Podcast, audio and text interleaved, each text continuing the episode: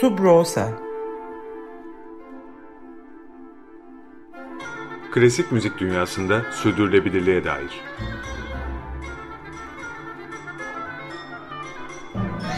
Hazırlayan ve sunanlar Zafer Yenal ve Yaren Eren Budak.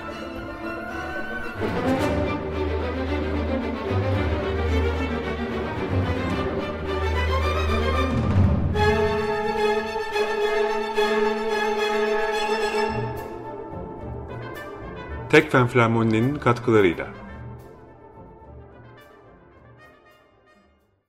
95.0 Açık Radyo'da Subroza, klasik müzik dünyasında sürdürülebilirliğe dair başlıklı programımızın 21. bölümünü dinliyorsunuz. Ben Zafer Yanal. Ben Yaren Eren Budak. Dinleyenlerimiz hatırlayacaktır. E, müzik ve farklı sanatsal, kültürel alanlar arasındaki ilişkilenmeleri konuştuğumuz geçen pazar günkü programımızla birlikte yayın dönemimizin son çeyreğine girdiğimiz bu haftalarda klasik müzik dünyasının geleceğine dair eğilimleri, yönelimleri konuşuyoruz konuşuyoruz. Bugünkü bölümde klasik müzik dünyasının kurumsal arka planının, e, kurumsal yapılanmaların e, bugünü ve yarınıyla ilgili sorular üzerinde duracağız. Eğitim, kültür alanının en başta gelen aktörlerinden devlet, devlet kurumları tabii ki klasik müzikte de hep başrolde olmuş. Devlet konservatuvarlardan senfoni orkestralarına, konser salonlarından radyolarıyla, televizyonlarıyla bu alandaki yayıncılığa varıncaya kadar birçok alanda yaptığı yatırımlarla, e, faaliyetlerle e, klasik müzik alanının gelişmesine temel katkılar yapmış e, kurumların başında geliyor. Hele Türkiye gibi tarihsel olarak özel sektörün görece daha geç geliştiği ülkelerde bu katkılar çok daha zaruri ve önemli olmuş. Bununla birlikte özellikle son yıllarda özel sektörün büyük sermaye gruplarının da klasik müzik de dahil olmak üzere kültür sanat alanına verdikleri desteklerin, yaptıkları yatırımların arttığına şahit olduk. Subroza'da sık sık konserleriyle, müzisyenleriyle, festivalleriyle, sergileriyle Tekfen Filarmoni'nin, Borusan'ın, İKSV'nin, Arter'in, Gedik Sanat'ın, klasik keyiflerin, barış için müziğin adını duymamız boşuna değildi. Ve bunun kadar önemli olarak da tabii ki Türkiye gibi gibi yerel idarelerin, belediyeciliğin, insanların gündelik hayatındaki yerinin salt altyapı hizmetlerinin çok ötesine gittiği ülkelerde e, yerel yönetimlerin kültür, sanat, müzik alanındaki varlıkları, faaliyetleri de e, çok kurucu ve dönüştürücü olabiliyor. Dolayısıyla ülkemizde klasik müziğin sürdürülebilirliği için gerek devlet, e, gerekse yerel yönetimler, kültür sanat politikaları, bu işlere ayrılan kaynaklar, işbirlikleri açısından baktığımızda bu alanında en önemli ve belirleyici paydaşları arasında yer alıyor. Evet, bugün bütün bu konuları e, Türkiye'nin iki köklü müzik kurumunun başındaki iki önemli müzik insanıyla, şef ve sanat yönetmeni sıfatlarıyla ülkemizde devletin ve yerel yönetimlerin sürdürülebilirlik perspektifinden klasik müzikteki rolünü konuşacağız. Çok değerli konuklarımızdan biri Ankara'dan, diğeri İstanbul'dan. Programımızdaki sırasıyla konuklarımız Cemil Can Deli Orman ve Cem Mansur. Bugün Cemil Can Deli Orman Cumhurbaşkanlığı Senfoni Orkestrası şefi. Cem Mansur ise Cemal Reşit Rey Konser Salonu Genel Sanat Yönetmeni sıfatlarıyla bizimle olacaklar. Her iki konuğumuzla oldukça kapsamlı birer sohbetimiz oldu. O yüzden zaman kaybetmeden bunları size nakletmek istiyoruz. Ama öncesinde ilk konuğumuzu biraz size tanıtalım. Cemil Can Deli Orman, Graz Müzik Üniversitesi'nde orkestra şefliği bölümünde lisans. Princeton'da e, Westminster College of the Arts e, lisansüstü eğitimini tamamlıyor. Bu yıllarda Avusturya'da ve Amerika'da e, Johannes Prince ve Pierre Boulez gibi önemli şeflerle çalışıyor. 2010 yılında Türkiye'ye dönüyor ve 2017'ye kadar e, Kültür Bakanlığı Devlet Çok Sesli Korosu şefliğini yürütüyor. Geçtiğimiz 2020-2021 konser sezonu itibariyle da uzun bir bekleyişten sonra yeni salonuna kavuşan e, CSO'nun başında. Cemil Can Deli Orman'la CSO'nun geçmişini, bugününü, genel misyonunu, Ankara'daki yeni harika kampüsünü ve devlet kurumlarının klasik müzikteki rolüne dair pek çok konuyu konuştuk. Dinliyoruz. Cemil Bey hoş geldiniz. Hoş geldiniz. Merhabalar. Merhabalar. Öncelikle daha genel bir perspektiften yaklaşmak istiyoruz. Ee, son 20-30 yıla baktığımız zaman dünyada e, özelleşmemiş, ticarileşmemiş neredeyse hiçbir alan kalmadı. Ee, müzik de dahil olmak üzere. Evet. Ee, doğru, Burada doğru. değil mi? Bu e, özellikle birçokları farklı farklı alanlarda hep kamunun e, arka plana düşmesini sorguladı. Özellikle sosyal bilimlerde. Doğru. Şimdi doğru. siz buradan bu buradan yaklaşınca konuya e, Türkiye'deki durumu e, nasıl değerlendiriyorsunuz ve de bulunduğunuz konumda kendinize biçtiğiniz misyon bu konuştuğumuz meseleyle ne kadar alakalı? Dinleyebilir miyiz sizden? Tabii ki. E, yani çok önemli bir e, konu, çok detaylı bir konu aslına bakarsanız. Çok uzun yıllardır tartışılan, sadece Türkiye'de değil, dünyanın farklı kültür politikalarına sahip olan ülkelerinde de e, farklı tartışmalara e, sebep olmuş çok önemli bir konu. Bizde bazen e, bu konu üzerine çok sert tartışmalar yaşandı yakın tarihimize baktığınızda. Aha. Kamu devlet ve sanat ilişkisi noktasında bir anlamda hassas da bir konu. O yüzden çok böyle kelimeleri dikkatli seçmek gerekiyor benim açımdan. Ama şöyle bir şey söylemek istiyorum. Yani baktığımızda kamunun desteği, devletin kültür sanata desteği dolaylı yahut e, direkt yoldan olmadan sanatın kendisini hiçbir yerde asla var etmesinin, sürdürülebilir olmasının mümkün olmadığını görüyoruz. Bu bir, bu bir gerçek. Hı hı. Tabii bunun farklı modelleri var. Dediğim gibi ülkemizde uzun zamandır tartışılan bir konu. Ben ülkelerin kendi kültür politikalarını kendi sanatsal kriterlerine, sanatsal içeriklerine, sanat geleneklerine e, göre kendileri belirlemeleri gerek, gerektiğini düşünüyorum. Yani baktığımızda bir işte İngiliz modeli, Amerikan modeli, işte üst konseyler, sanat konseyleri yahut Avrupa'daki birbirinden farklı modeller, Merkez Avrupa'sı, Kuzey Avrupa'sı yahut Akdeniz ülkelerinde uygulanan farklı e, uygulamalar. Bunlar da hala gelişen, bir anlamda kendini sorgulayan, e, çalışan yahut eksikleri görülen yapılar. Biz biraz daha bu modellere yakın bir ülkeyiz ama e, bizde özellikle Türkiye'de kamunun kültür sanat alanında oynadığı destek, e, pardon göstereceği desteğin e, çok hayati olduğunu düşünüyorum. Çok küçük bir örnek verir misiniz Cemil Bey? E, bahsettiğiniz modeller arasındaki farklılıklara dair ve Türkiye'nin bu modellerden hangisine daha tabii yakın ki. durduğuna dair çok ufak bir örnek. Şöyle tabii ki yani bir üst sanat konseyi işte Amerika'da yahut İngiliz e, yönetiminde bir geleneksel olarak bir tek merkezden e, yönetilen bir e, konsey yapısı var. Hı hı. Fakat tabii bunlar o ülkelerin kendi gelenekleriyle, kendi tarihleriyle, kendi sanatsal e, içerikleriyle yoğrulmuş, özdeşleşmiş bu şartlarla yapılarını oluşturu, oluşturmuş kurumlar. E, Avrupa'da ona keza Kuzey Avrupa'da hani Kuzey Avrupa, Avrupa modeli diye adlandırabiliriz sanıyorum. Hı hı. Hani daha e, merkeziyetçi bir yapıdan uzak, daha liberal, daha hani özel kurumları, vakıfları, dernekleri dolaylı olarak destekleyen bir model görüyoruz hı. ki bu başarılı bir model olarak karşımıza çıkıyor. İşte mesela Fransa'ya baktığınızda hocam Fransa'da daha yine devlet merkezli e, işleyen, çok iyi işleyen e, bir modelin olduğunu görüyoruz. E, Akdeniz ülkelerinde biraz daha danı, dağınık bir e, yapının olduğunu belki söyleyebilirim. Yahut Doğu Avrupa'ya e, kıtalarına baktığımızda işte eski Sovyet anlayışından kalan e, kurumlara baktığımızda orada da yine merkezi devletin e, domine ettiği bir yapı görüyoruz. Biz e, bir aslına bakarsanız bir e, Akdeniz ülkesi olarak da e, bu Akdeniz ülkelerindeki yapının işte Yunanistan gibi, İtalya gibi tabii hani benim söylediklerim daha çok müzik ve klasik müzik Hı. kurumları için geçerli. Onu da ilave etmeliyim. Mutlaka farklı sanat dalları farklı çeşitlilik gösteriyordur Hı. E, eminim ki. Biz biraz daha bu modele yakın işliyoruz diye düşünüyorum. Ancak yine bu ülkelere nazaran bizim e, bu alanda özellikle klasik müzik alanında e, gerçekten devletin e, desteğine çok ihtiyaç duyuyoruz. Sadece devlet kurumları olarak değil aynı zamanda ülkede e, faaliyet gösteren e, özel sanat kurumları, işte derneklerin, vakıfların e, desteklediği kurumlar da buna dahil. Anladım.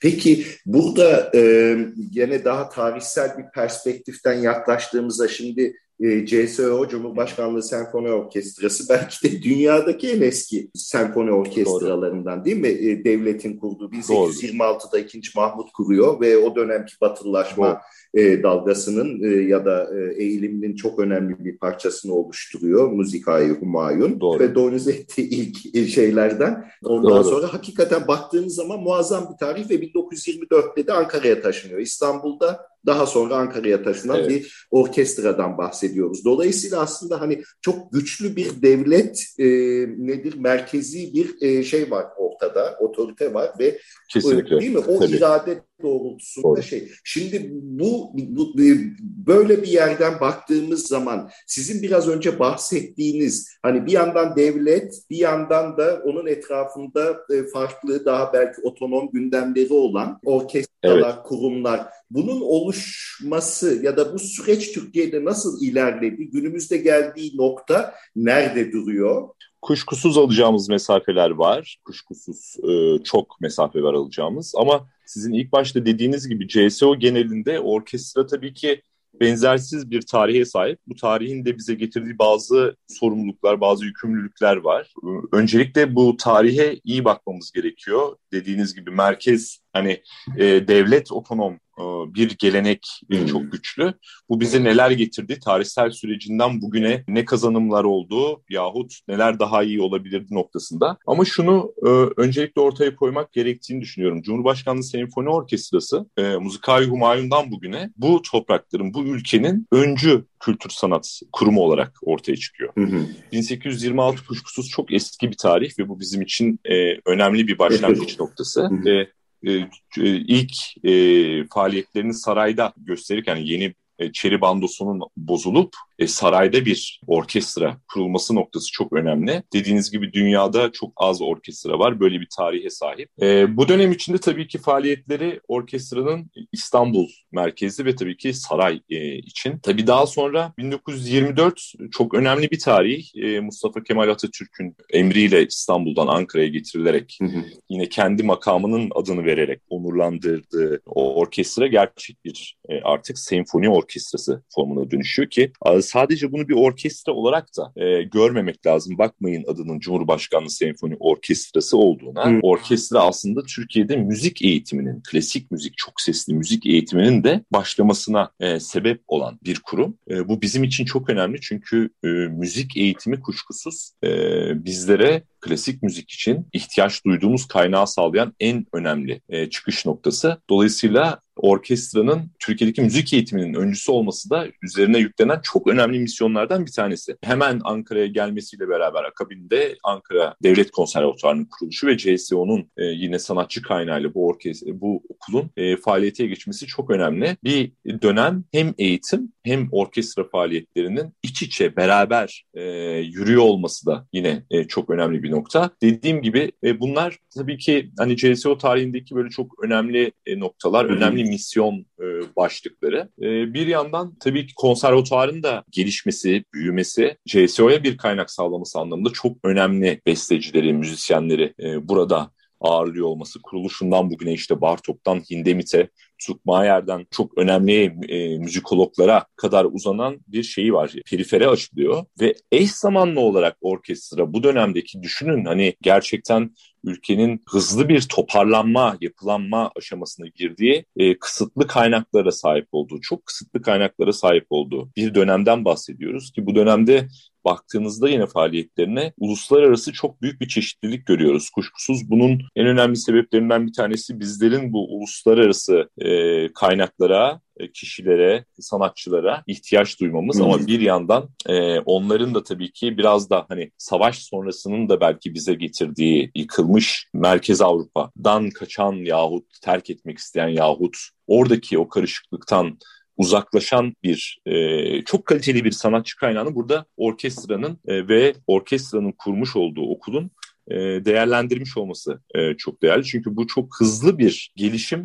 ve ivmelenme süreci e, başlatıyor orkestranın tarihinde ve uzun yıllar devam ediyor. Bir anlamda dünyanın çok saygın e, şefleri ve solistleriyle orkestra kendi tınısını, kendi yapısını oluşturmaya başlıyor ve tabii ki Ankara'daki faaliyetleriyle sadece bir Ankara orkestrası değil, aynı zamanda ülke genelinde gösterdiği faaliyetler ve hemen e, akabinde büyük dünya turneleri, Avrupa turları, ilk yaptıkları gemiyle olan Avrupa seyahati ve ardından işte tarihte yer alan otobüslerle günlerce, haftalarca yıllarca e, Avrupa'da gösterilen faaliyetler çok önemli. Çok kısıtlı dediğim gibi kaynaklarla ama merkez ve odak noktası CSO olarak klasik müziğin e, yine devletin çok desteklediği bir dönem geçirmiş. Bugüne baktığımızda yani aradaki kuşkusuz farklı dönemlerden e, bahsedebiliriz. Orkestranın yahut klasik yani orkestranın değil miyim? Klasik müzik kaynaklarının e, içerik üretiminin e, bir nebze olsun zayıfladığı, aksadığı, e, daha sonra tekrardan bir hız kazandığı dönemlerden bahsedebiliriz. Ama bugün geldiğimiz noktada kuruluşundan bugüne dediğiniz gibi devlet merkeziyetçi varlığını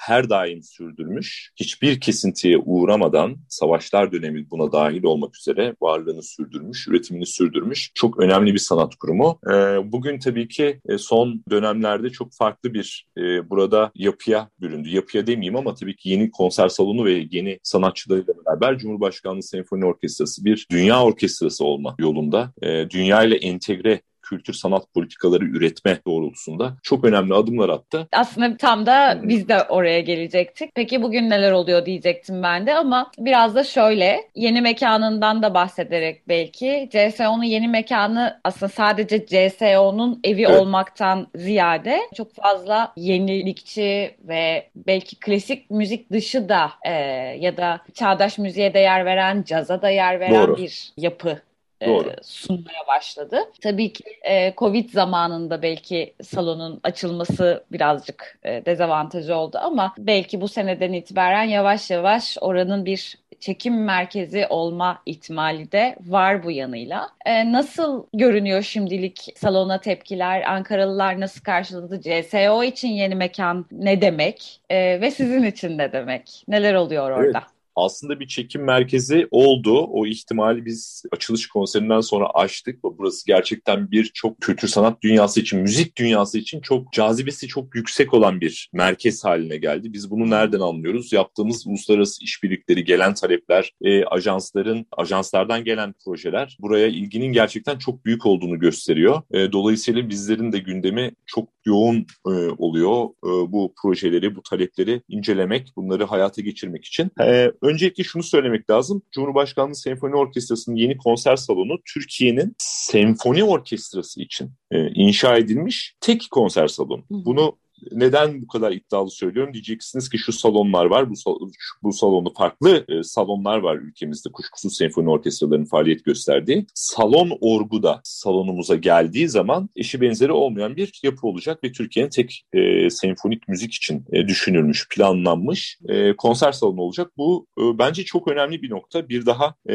böyle bir yapı bu çapta bir yapı inşa edilir mi, edilmez mi bilmiyorum ama yakın zamanda olmayacağını öngörüyorum. Çünkü proje çok eski bir proje. 27 sene önce e, bir yarışma projesi. Uygur mimarlığın, Semra Uygur hanımefendinin çok değerli bir e, projesi, yarışmayı kazanan projesi. Fakat tabii ki çok kapsamlı bir proje olduğu için uzun yıllar hayata geçemiyor. Malum çok maliyetli bir e, yapı ve çok, çok özel bir yapı.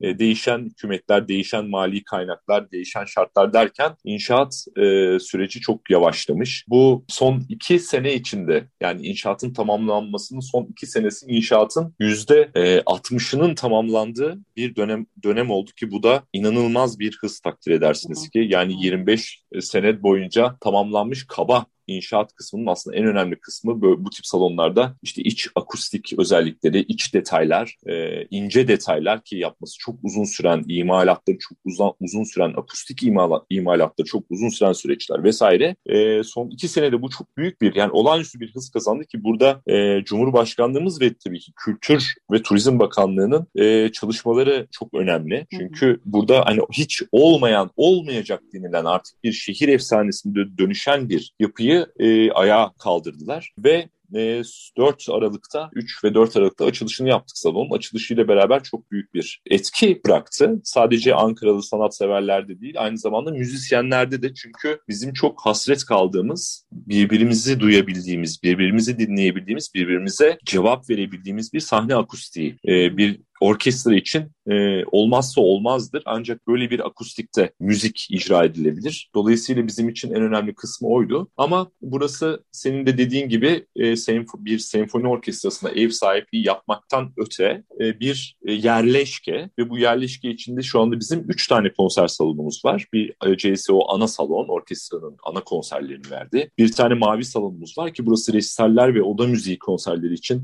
e, çok değerli bir sahne olacak diye düşünüyorum. Bir yandan da tabii ki e, eski CSO salonu şu anda tadilatta oranın da açılışını çok yakın zamanda yapacağız. Orası da tarihi CSO olarak Ankara'daki kültür sanat hayatında yine bizim yerleşkemiz içinde devam edecek. Dolayısıyla burası bir e, müzikal cennet diyebiliriz. Düşünün yani bir, üç tane konser salonu aynı yerleşke içinde artı açık hava alanları, fuaye alanları gibi çok önemli e, mekansal e, özelliklere sahip. Buranın içinde biz bir e, CSO müzesi hayal ettik. Çok çalıştık açılışta ve bir sergi alanı oluşturduk. Bu sergi alanı kuşkusuz envanterin genişletilmesiyle ve alanında uzman araştırmacıların yapacağı çalışmalarla çok kıymetli bir müze mahiyetine dönüşecek ama şu anda bir sergi alanı olarak gelenler CSO tarihinde bir yolculuk yapabiliyorlar burada. Yine CSO en, envanterindeki arşivindeki çok önemli belgeleri, çok önemli notaları, enstrümanları, orkestranın tarihindeki kırılma noktalarını anlattığımız bir yer haline geldi. E, sadece bu da değil, dediğim gibi işte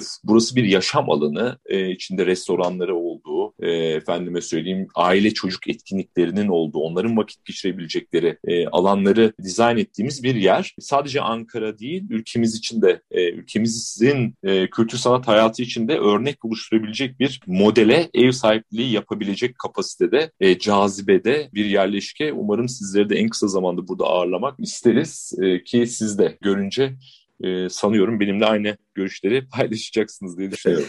Uzaktan Şahane görmek bile heyecanlanmaya yetiyor zaten. evet. Bu şeyi merak ediyorum. Bu tüm bu e, faaliyetleri planlarken nasıl bir e, koordinasyon içerisinde hareket ediyorsunuz? Yani kimlerle birlikte karar veriyorsunuz? Ortada nasıl bir örgütsel bir yapı var? E, bu, e, e bu bunun içerisinde kimler var? Hangi kurumlar var? Biraz da o, orayı açar mısınız? Tabii ki. Şimdi malum Cumhurbaşkanlığı Senfoni Orkestrası'nın bir yönetim kurulu var. E, CSO Hı-hı. kanunundan kanunda yer alan ve orkestranın repertuarını, içeriğini ve tüm işleyişini belirlemekle yetkilendirilmiş bir yönetim kurulu var. Bu CSO sanatçılarından seçilen çok e, kıymetli bir yapı yönetim kurulu. Onlar bizler yönetim kurulu, kuruluyla beraber orkestranın hem yıllık programını hem de işleyişini, yapacağı işbirliklerini, turnelerini e, belirliyoruz. Benim çok kıymetli mes- meslektaşlarım bu noktada çok önemli bir görevi üstleniyorlar. Aynı zamanda orkestrada da kendi sanatlarını icra etmeye devam ediyorlar. Bir yandan böyle bir yapımız var. Diğer yandan yerleşke içinde e, olacak konserlerin planlanması için e, kurulmuş yeni, yepyeni bir ekip var. E, bu ekibin e, işte farklı birimleri var. Pro programlamadan sorumlu, iç yapımlardan, dış yapımlardan, festivallerden, e, uluslararası yazışmalardan yahut işte halkla ilişkilerden, PR'dan, grafik çalışmalarından e, tutun işte müşteri deneyimine kadar bunları inceleyen,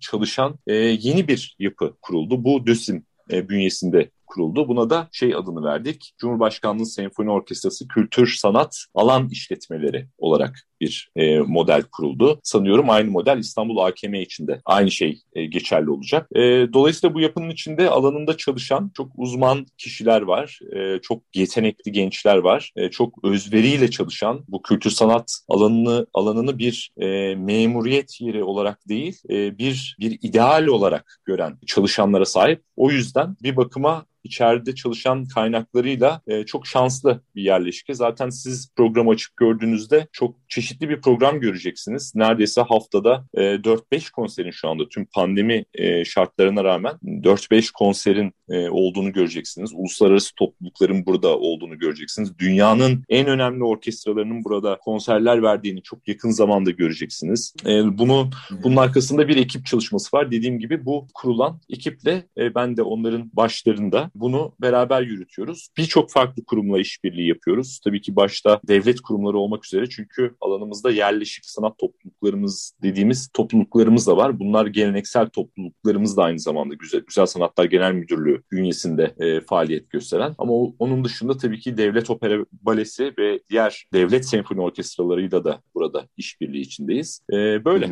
Peki bu harika kocaman yapı e, bu sezon için önümüzdeki sezon için neler planlıyor? Sizi heyecanlandıran birkaç örnek verebilir misiniz? Evet yani çok e, aslına bakarsanız e, biz planladığımız konserleri ilan etmek için yanıp tutuşuyoruz hepimiz bütün ekip. E, fakat e, malum dünyadaki şartlar her an değişebiliyor. Bu anlamda uluslararası işbirlikleri e, noktasında biz programları her ay yayınlamaya karar verdik. Hı, Daha Yıllık program e, temkinli giderek. Sonra.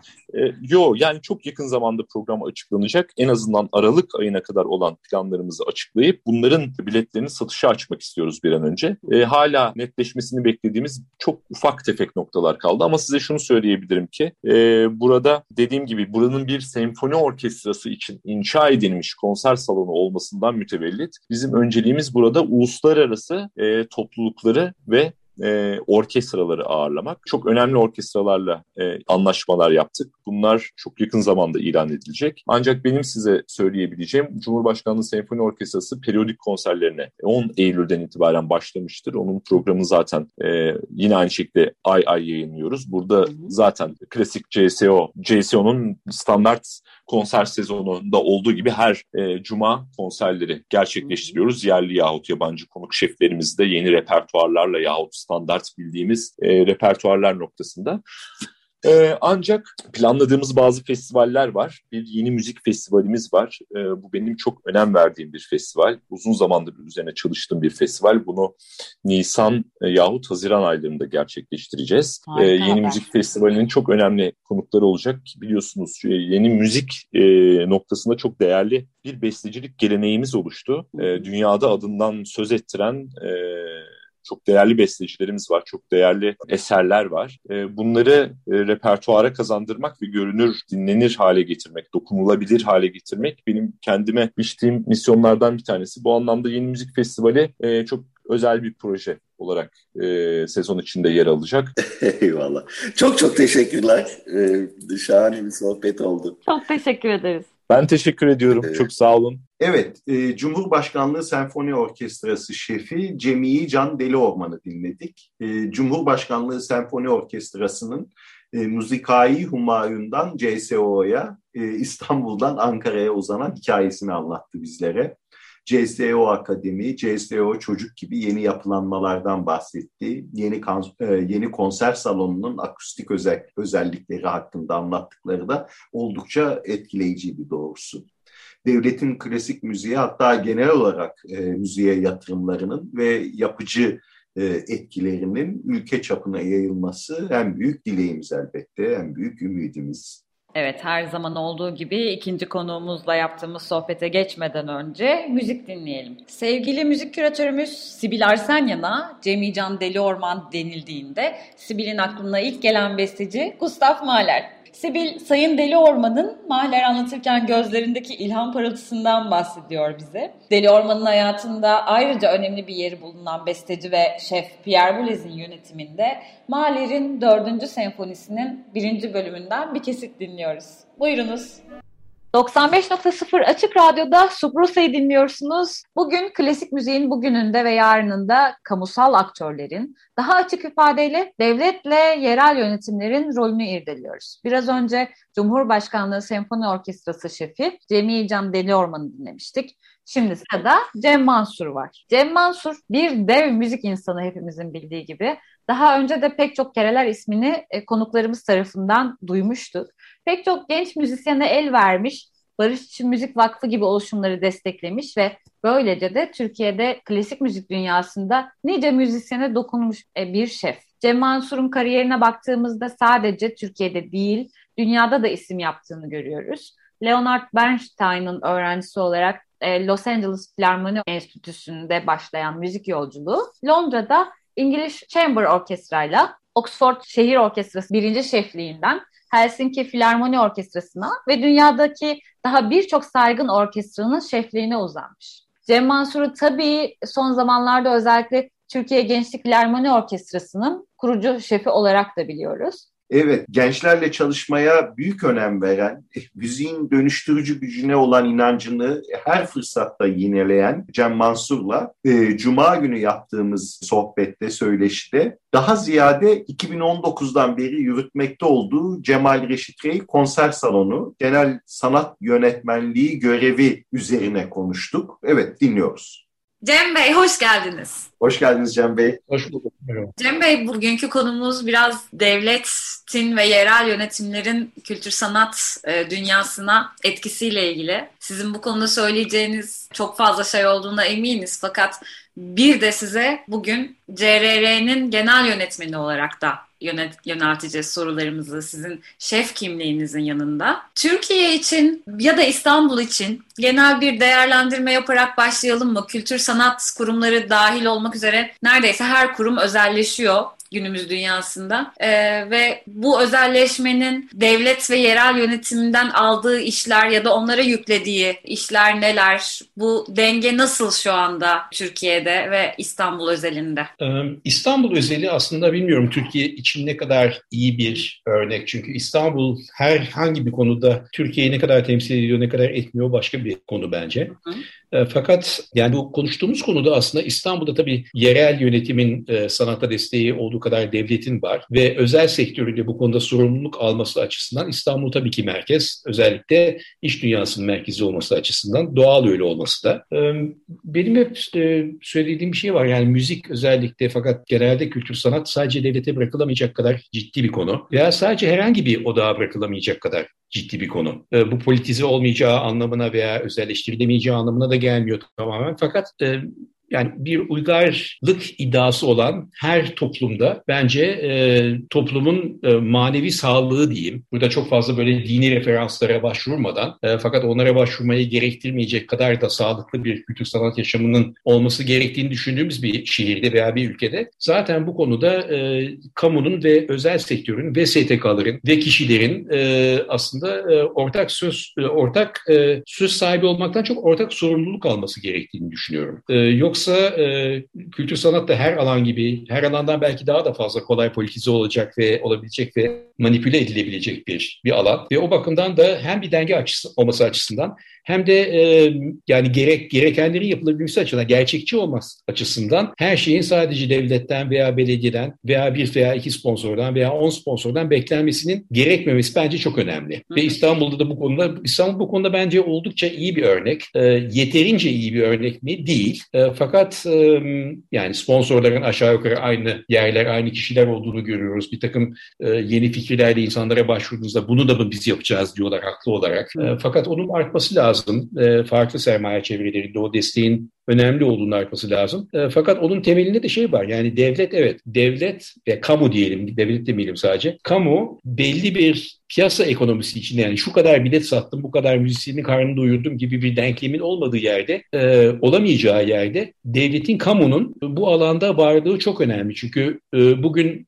kamu desteği olmasa Berlin Filarmoni Orkestrası'nın bile tek başına yaşayabileceğini sanmıyorum. Hesap tutmuyor sadece. Evet. Yoksa tabii her biletin işte 500 euro olduğu böyle çok elitist bir alana kaymış oluyorsunuz. Kamunun bir öyle bir görevi olduğuna ve kültür sanatın bir uygarlık ihtiyacı olduğuna e, inanıyorsak bunda kamunun tabii ki yeri olması lazım. İşte kapılarının önünde insanların evinin kapısının önünde lağımın akmadığı yerlerde doğru dürüst bir eğitim sistemi, doğru dürüst bir adalet sistemi olduğu yerde veya zaman zaman olmadığı yerde bile bizde olduğu gibi e, kültürün bir uygarlık ihtiyacı olarak desteklenmesi e, önemli. Yani dediğim gibi lağımların akmadığı veya insanların e, karakollarda işkence görmediği veya doğru dürüst bir doktora gidebildiği veya okula gidebildikleri toplumlarda senfoni orkestraları var. Bu tesadüf değil, bu bir paket uygarlık dediğimiz şey. Peki e, Cem Bey, siz bu Cemal Reşit Konser Salonu Genel Sanat Yönetmenliği e, görevini üstleneli tam neredeyse iki sene geçti. Ekim'de atanmıştınız. Anladığım kadarıyla 2019'da. Şimdi de Ekim'e geliyoruz 2021'de. Bu iki senede neler e, yaşadınız?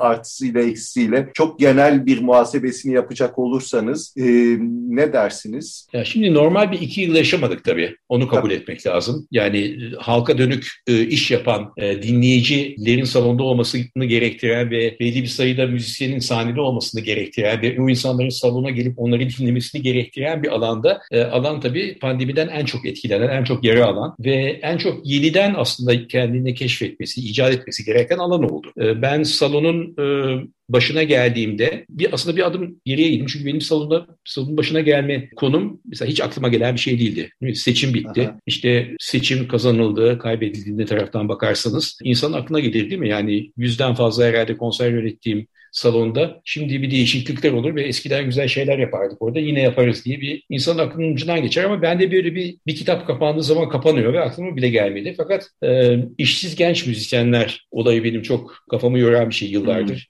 Zaten yaptığım projelerin çoğu da onunla ilgili. E, ve e, ona yönelik bir e, 21. yüzyılın orkestrası dediğim, aklımda kurguladığım bir fikir de aslında belediyeyle konuşmaya başladık. E, onlar da bana Cemal Reşit Konser Salonu e, Genel Sanat Yönetmenliği teklif ettiler. Önce ya niye ben dedim filan ama sonra dedim ki tabii ben bunu iyi yaparım. Çünkü aslında birikimim ve misyonum ve yapmaya çalıştığım şeyler o alanda. Ama kapandığımız zaman birdenbire, e, bir günde birdenbire yani Kemerata Baltica şeyin e, Oda Orkestrası müthiş bir orkestra e, Gidon Kremer'in. Sahnede akşam e, konserleri için 10 veya 12 Mart'tı galiba ilk e, vaka duyuruldu. Sahnede genel provalarını yaparken sahneye çıkıp işte benim adım şu, buranın sanat yönetmeniyim, akşam konser yok, herkes evine demem gerekti. Ve ondan sonraki günlerde şeyi düşündüğümü hatırlıyorum. Bir orkestra şefisiniz, evet. orkestra bir araya geliyor, gelemiyor. Bir konser salonu yöneticisiniz, salon kapalı. Ben e, aylak aylak çalışacağım mı dedim kendi kendime. Ve çok ilginç bir şekilde hayatımda ilk defa belki günde 24 saat yetmemeye başladı yapmak istediklerim açısından. E, ve bunlar sadece online konserler değil, e, müziği ayakta tutmak, müzisyenlere iş vermeye devam etmek çok çok önemli bir, e, çok önemsediğim bir şeydi. E, ve e, pandemi zamanında aslında pandemi öncesinde benim başta olduğum iki, iki buçuk daha doğrusu programlarını yaptığım iki, iki buçuk ay içinde salonu gerçekten hiçbir alçak gönüllüye yer vermeden şunu söyleyebilirim. Salonu gerçekten e, bir önemli bir Avrupa metropolünün birinci sıradaki kültür merkezi haline getirebileceğimizi gösterdik. Hmm. Çok renkli bir programla insanlar yeri gelmeye başladı. Uzak durmuş olan seyirciler özellikle. Ee, ve e, çok güzel bir başlangıç yaptık ve e, sadece salonda yaptıklarımız değil ben kendimi açıkçası şey olarak gördüm. Bir biraz şehrin müzik direktörü olarak görürseniz zaten beni alın dedim. Yoksa benim işim salonda konser organize etmek değil bir müzik e, vizyonu paylaşmak ve benim maalesef kendimi hala bizim klasik müzik camiasında hala azınlıkta hissettiğim e, iyi bir şeye herkesin hakkı olduğu inancıyla ben bu işe başladım ve o yüzden zaten yerel yönetim böyle bir şey teklif edince yapmak istedim. E, ve e, Cemal Reşit'e konser salonu dışında yaptığımız en heyecan verici şeylerden biri ilçe konserleriydi. Beethoven yılına hazırlık olarak ve Beethoven yılı başladıktan sonra 5. senfoniyi Beethoven'ın dünyası ve Fransız devrimi bağlantılarıyla e, ve e, uygarlık tarihindeki ve özgürlük tarihindeki yeri e, bağlamında e, 5. senfoniyi anlattığım ve e, çaldığımız e, konserlerle böyle bir İstanbul turuna başladık. 6 tanesini yapabildik sadece. Hmm. Fakat bu şartlar düzeldiğinde devam etmek istediğim bir şey ve şey dedim ya işte benim faydalı olabileceğim alan bu. Kendimi lüzumlu hissettiğim, faydalı hissettiğim alan bu. Bu aynı şekilde e, bu yaz verdiğimiz 8 açık hava konseri. E, gerçekten binlerce insana e, klasik müziğin popüler eserlerini dinlettik. Bazılarını herhalde ilk defa tanıttık. Ve e, benim yapmak istediğim aslında oydu. Ve e, pandemi sürecinde e, ilginç bir şekilde daha az sayıda müzisyen için yazılmış, e, online olarak yine de her şeye rağmen anlamlı olabilecek bir program oluşturmaya çalıştık. Fakat bence bütün bu online konserler, yani online konser ve opera izleyemeyen biri olarak söylüyorum bunu. Çünkü o gerçek bir dünya değil zaten. Bence bize neyi kaçırdığımızı hatırlattı. Yani bu kadar çok müziğin bir tık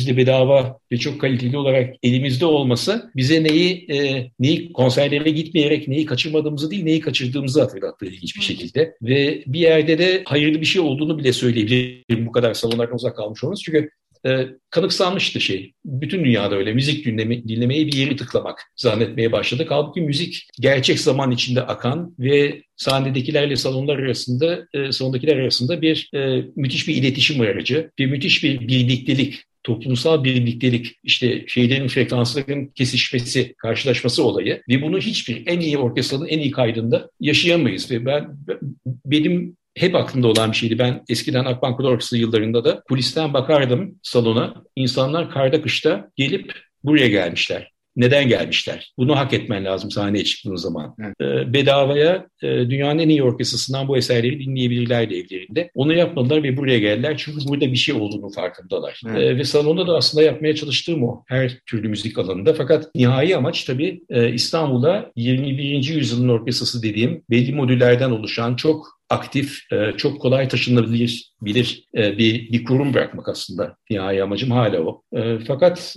salonda yaptıklarım da onunla bağlantısız değil tabii. Peki Cem Bey sizin birçok aslında bu söylediklerinizde dediniz ya iyi müziğe herkesin hakkı var. Ben bunu pek çok yerde söylüyorum. Diyorsunuz ki aynı zamanda işte müziğin bir toplumsal güç olduğundan bahsediyorsunuz. Bir barış hoca, e, bir barış aracı olarak orkestralardan bahsediyorsunuz. Daha önce verdiğiniz mülakatlarda birlikte yaşama açısından müziğin öneminin altını çiziyorsunuz. Toplumsal olarak eğitici rolünden bahsediyorsunuz müziğin. Yani hep müziğin daha sosyal, toplumsal olan damarına ciddi bir vurgunuz var. E, yaptığınız işlerde olsun, e, bu konuda verdiğiniz mülakatlarda olsun. Bu açıdan baktığınız zaman siz önümüzdeki hem yaşadığımız dönemi hem de geleceğe baktığınızda karşınızda duran en önemli meseleler neler bu yönde halledilmesi gereken e, ve geleceğe bu yönde bir takım e, değerleri aktarmak anlamında e, bizim yaptığımız yapamadığımız İstanbul'da ve bu yönde sizin e, gündeminizde önümüzdeki yeni e, planlar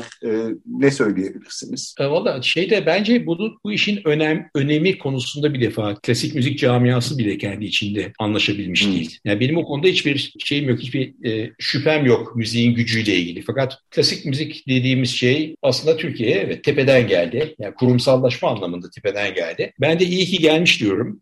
Yoksa bir takım şeylerin kurumsallaşması işte konservatuvarlar, devlet operaları, orkestraları falan imkansız olacaktı. Ama e, sonra 90 yıl içinde e, biz ne yapmışız diye biraz öz eleştiri yapmamız gerektiğini düşünüyorum. Ben değil şahsen. Tabii biz dediğim zaman biraz e, gereğinden fazla alçak gönüllü ve cömert oluyorum belki. Çünkü ben tam tersini düşündüğümü biliyorum. Fakat şey vardır işte ben e, vergi veren adamın işiyle, e, parasıyla işimi yaparım, e, kamu desteğiyle. Ama ondan sonra o vergi veren insanlara ulaşma konusunda da hiçbir gayret göstermem. Çünkü onlar zaten anlamaz. E, böyle bir en büyük barıştırıcı unsur, en büyük e, bölücü ve ayrıştırıcı unsur olarak kullanıldı. Bizim camia tarafından. Benim çok meslekte benden yaşça büyük birçok kişinin ya gitmişin işte e, Kayseri'de Stravinsky çaldırmışım ne kadar da safsın dediği filan olaylar var. Zamanında Akbank Orkestrası'da yaptığımız öğrenci konserleri, Anadolu turneleri için filan. Ee, buna inanmak lazım her şeyden önce. Bence bir inanç eksikliği var. Yaptığımız işin sadece bir elitin e, beğenisi için olmadığı, bunun gerçekten bir takım uygarlık dediğimiz değerlerin, değerleri kod olarak taşıyan e, müthiş bir e, iletişim aracı olduğuna inanmamız lazım. Ona inandığımız zaman projelerimizi o düşünceyi zaten yönlendiriyor. Benim projelerimi de tamamen yönlendiren o. Evet belli belli bir seyirciye ben de çalıyorum, festivalde konser yapıyorum, şunu bunu. Fakat e, onun dışında bir gerçek bir dünya var dışarıda ve onlara ulaşmamız lazım. E, o yüzden ne kadar çok daha çok kurum bu tür çalışmaları yapabilirse, sırtını seyirciye dönüp e, yönetmekten yönetmekle yetinmeyip o müziğin dünyasını paylaşırsa, e, ve en ücra yerlerde e, bu kültürde en ilgisiz olan insanların bunu hakkı, hakkı olduğunu düşünürse e, bence o zaman bir şeyler değişmeye başlayacak. Çünkü değiş, ne kadar kolay değişebildiğini gör, görmek bana çok heyecan veriyor. Pandemiden önce mesela yaptığımız şeylerden biri bu Beethoven 5 turnesinde e, şeye gittik. E, Gazi Mahallesi'ne gittik ve Gazi Mahallesi'ne e, orada şehir tiyatrosunun bir sahnesi var. Şehir tiyatrosunun kullandığı daha doğrusu İBB'nin kültür merkezlerinden biri. Ve e, orada e, Mehmet Ergen şehir tiyatroları genel sanat yönetmeni ya oraya da git dedi. Orada çok ilginç bir dinleyici var dedi Sultan Gazi'de. Ben de Gazi Mahallesi, Gazi olayları falan böyle çok şey bekliyordum. E, hadi ilginç olacak böyle çok daha protest, daha Alevi, daha sol dinleyiciyle karşılaşacağımı sanıyordum. Fakat vardık Sultan Gazi'ye. Orası tamamen tabii bir bu aklımızdaki Gazi Mahallesi'nden birkaç yıl önceki haberlerden oluşan imajın tamamen tersinde bir e, toplum e, mühendisliğine maruz kalmış ve beklediğimizin aksine tıka basa salon dolu başörtülü kızlar çoğunlukla. İmam hatipliler ve birkaç öğretmenleri ve o sohbet sırasında ve konserden sonra kalanlarla konuşmamız sırasında e, işte bu müzik yalnız bizim gibi aynı okullara gidip aynı şekilde giyinip aynı mahallelerde e, yaşayanların müziği fikrinin illüzyonun ne kadar yanlış olduğunu görmek için sadece bir konser gerekiyor. Evet. Gerçekten sizin dünyanızda hiç bilgisi olmayacağını düşündüğünüz insanlara e, ne kadar kolay ulaşabildiğinizi gösteriyor. Bunu tabii biz yapmıyoruz. O Beethoven denen adam yapıyor sonuçta. Ama onu da doğru anlatmak ve doğru e, iletmek lazım. Ve bundan heyecan duymanın yalnız herkesin hakkı olduğunu değil, herkesin hayatını zenginleştiren bir şey olacağını anlatmak. Bu nasıl bir dünyanın müziği? Bu adam neden bu kadar önemli? Gelin bir konuşalım bunu. Yoksa eski TRT belki hala öyle anonsları gibi işte Rahmanov'un do diyez minör bilmem nesini dinlediniz. Şimdi bilmem kimin fa diyez minör bilmem nesini dinleyeceksiniz Sizin ötesinde gerçekten yapacak çok şey var. Peki burada yani de, de, esas mesele demokratikleşme ise e, sizin koyduğunuz gibi buradaki olay kadro meselesi midir, altyapı meselesi midir yoksa bu yönde bir yönetim anlayışının e, bir yönetim yapısının olmamasıyla mı alakalıdır? E, neyi tam olarak e, siz e, şey görürsünüz burada? Bence fazla kişi fazla kişilerin inisiyatifine bırakılmış bir şey olması çok sağlıklı bir şey değil. Ama belki doğru olanı kişisel gayretlerle gösterebilirsek o yöntemlerin de kurumsallaşması ve sürdürülebilir olmasının adımını atmış oluruz. Ben e, şeyden beklemiyorum yani Kültür Bakanlığı'nın veya belediyenin bu işte kültür politikamız budur, böyle olması lazım, doğru olan budur. Bunu da şu şekilde yürürlüğe koyuyoruz diye bir şey yok. Bu e, sanat tarihi boyunca öyle oldu. Biri çıkıp ben bunu böyle yapacağım demiş, böyle olabileceğini göstereceğim demiş. E, onu gösterdikten sonra mesela biliyorum yıllar birkaç yıldır mesela devlet orkestraları e, eğitim konserleri konusunda konusunda eskiden oldukları kadar pasif değiller. Bu çok sevindirici hmm. bir şey. E, bu yavaş yavaş böyle oluşacak fakat kadro meselesi tabii ki yani daha çok şefin, daha çok salon yöneticisinin, e, daha çok siyasetçinin buna buna sıcak bakması da önemli ve daha çok destekçinin de. Mesela keşke e, özel sektörde biri dese ben sana sadece Anadolu'da eğitim konserleri vermek vermen için bir bütçe veriyorum. Sadece orkestrana sponsor olmuyorum. Bunu yapman için sponsor oluyorum. Dediğimiz zaman da belki bir şeyler değişmiş olacak. Ee, Anadolu'nun çeşitli şehirlerinden bahsettik. Aslında İstanbul'da kendi içinde çok fazla neredeyse şehir barındıran e, bambaşka insan grupları barındıran bir yer. İstanbul, Ankara, İzmir gibi merkezler dışında klasik müziğin yaygınlaşmasında devletin ve resmi kurumların rolünü nasıl görüyorsunuz Cem Bey? Daha çok orkestra kurarak her şeyden önce. Şimdi bir yerlerde tabii Türkiye'de devlet konservatuarı adı altında son baktığımda 38 mi 42 mi ne okul vardı. Fakat biz mesela Türkiye Gençlik Filarmoni Orkestrası'nın seçme sınavlarını 12 okulda yapıyoruz. Çünkü 12 okulda aşağı yukarı her orkestra enstrümanında ciddi bir eğitim var. Bunun dışında e, biliyorsunuz gök kepazeliğiyle aslında her e, böyle müzik bölümü gibi bir şey açan kendini devlet konservatuarı deme hakkını kazandı. Ve bugün her tarafta devlet konservatuarları var. Bunların gerçekten birer, ciddi birer müzik okuluna dönüşmeleri. Çok değerli insanlar var ayrıca bunları yöneten de e, ders veren de bu kurumlarda. Fakat bir standart oluşturmak açısından e, onların başka bir yerde, başka bir kalitede olması lazım. Başka bir kalite kontrolü altında olmaları lazım. Bir de dediğim gibi şimdi e, 80 küsür milyonuz. Müziğin gücüne inanıyorsak bunu 10 orkestrayla yapamayız. Bunu 80 orkestrayla yapmamız lazım. Yani nasıl ki 100 tane devlet hastanesi gereken yerde aynı hizmeti 10 tane devlet hastanesiyle veremeyeceksek. Sorunuzun e, cevabı bu mu bilmiyorum ne kadar ama şey. Elbette elbette. Peki bir, biraz da tecrübelerinizden yola çıkarak küçük şehirlerde konser vermenin şartları neler?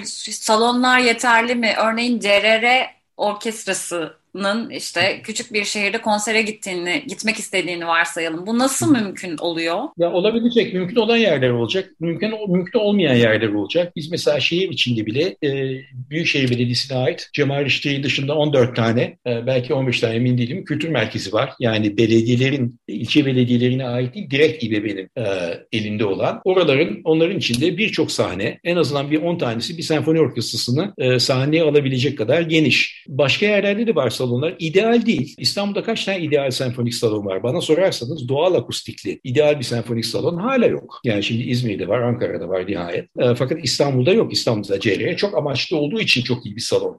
Ama e, sadece akustik olarak senfonik müzik vermek için ideal yer. İdeal yeri ararsanız konser veremezsiniz. Yani ilçeye de gidemezsiniz. Anadolu'da da belli yere gidemezsiniz. Hatta Harbi Açık Hava Tiyatrosu'nda da klasik konser yapmazsınız diye biz. Ama ideal değil ama ideal olmayan işte operörlerle falan çalıyoruz. Ama onun dışında da e, bir sempatisi, bir sıcaklığı, bir ulaşılabilirliği ve e, insanlara bir şey verebilirliği var bu konserlerin. Dolayısıyla ideal şartlar oluşmadan tek nota çalmayacağız diye bir şey bence bin din dalı kesmek. Tabii ki herkes her konserini e, konser kebabı veya Boston Symphony Hall'da vermek istiyor. Ama gerçek dünya öyle bir yer değil. Evet.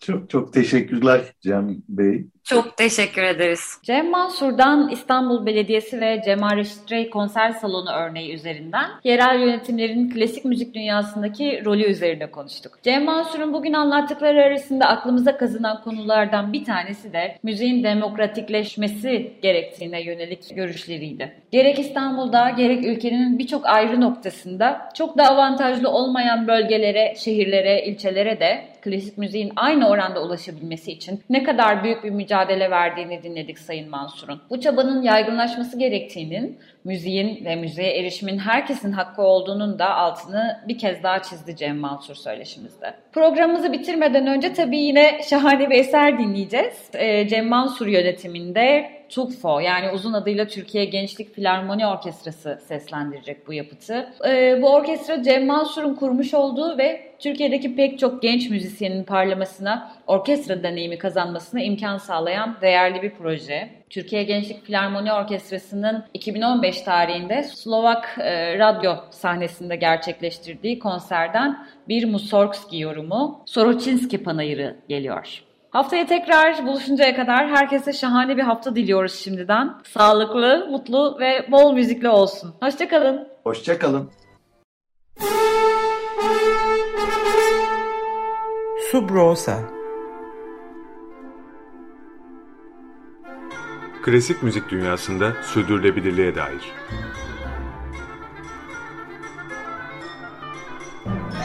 Hazırlayan ve sunanlar Zafer Yenal ve Yaren Eren Budak.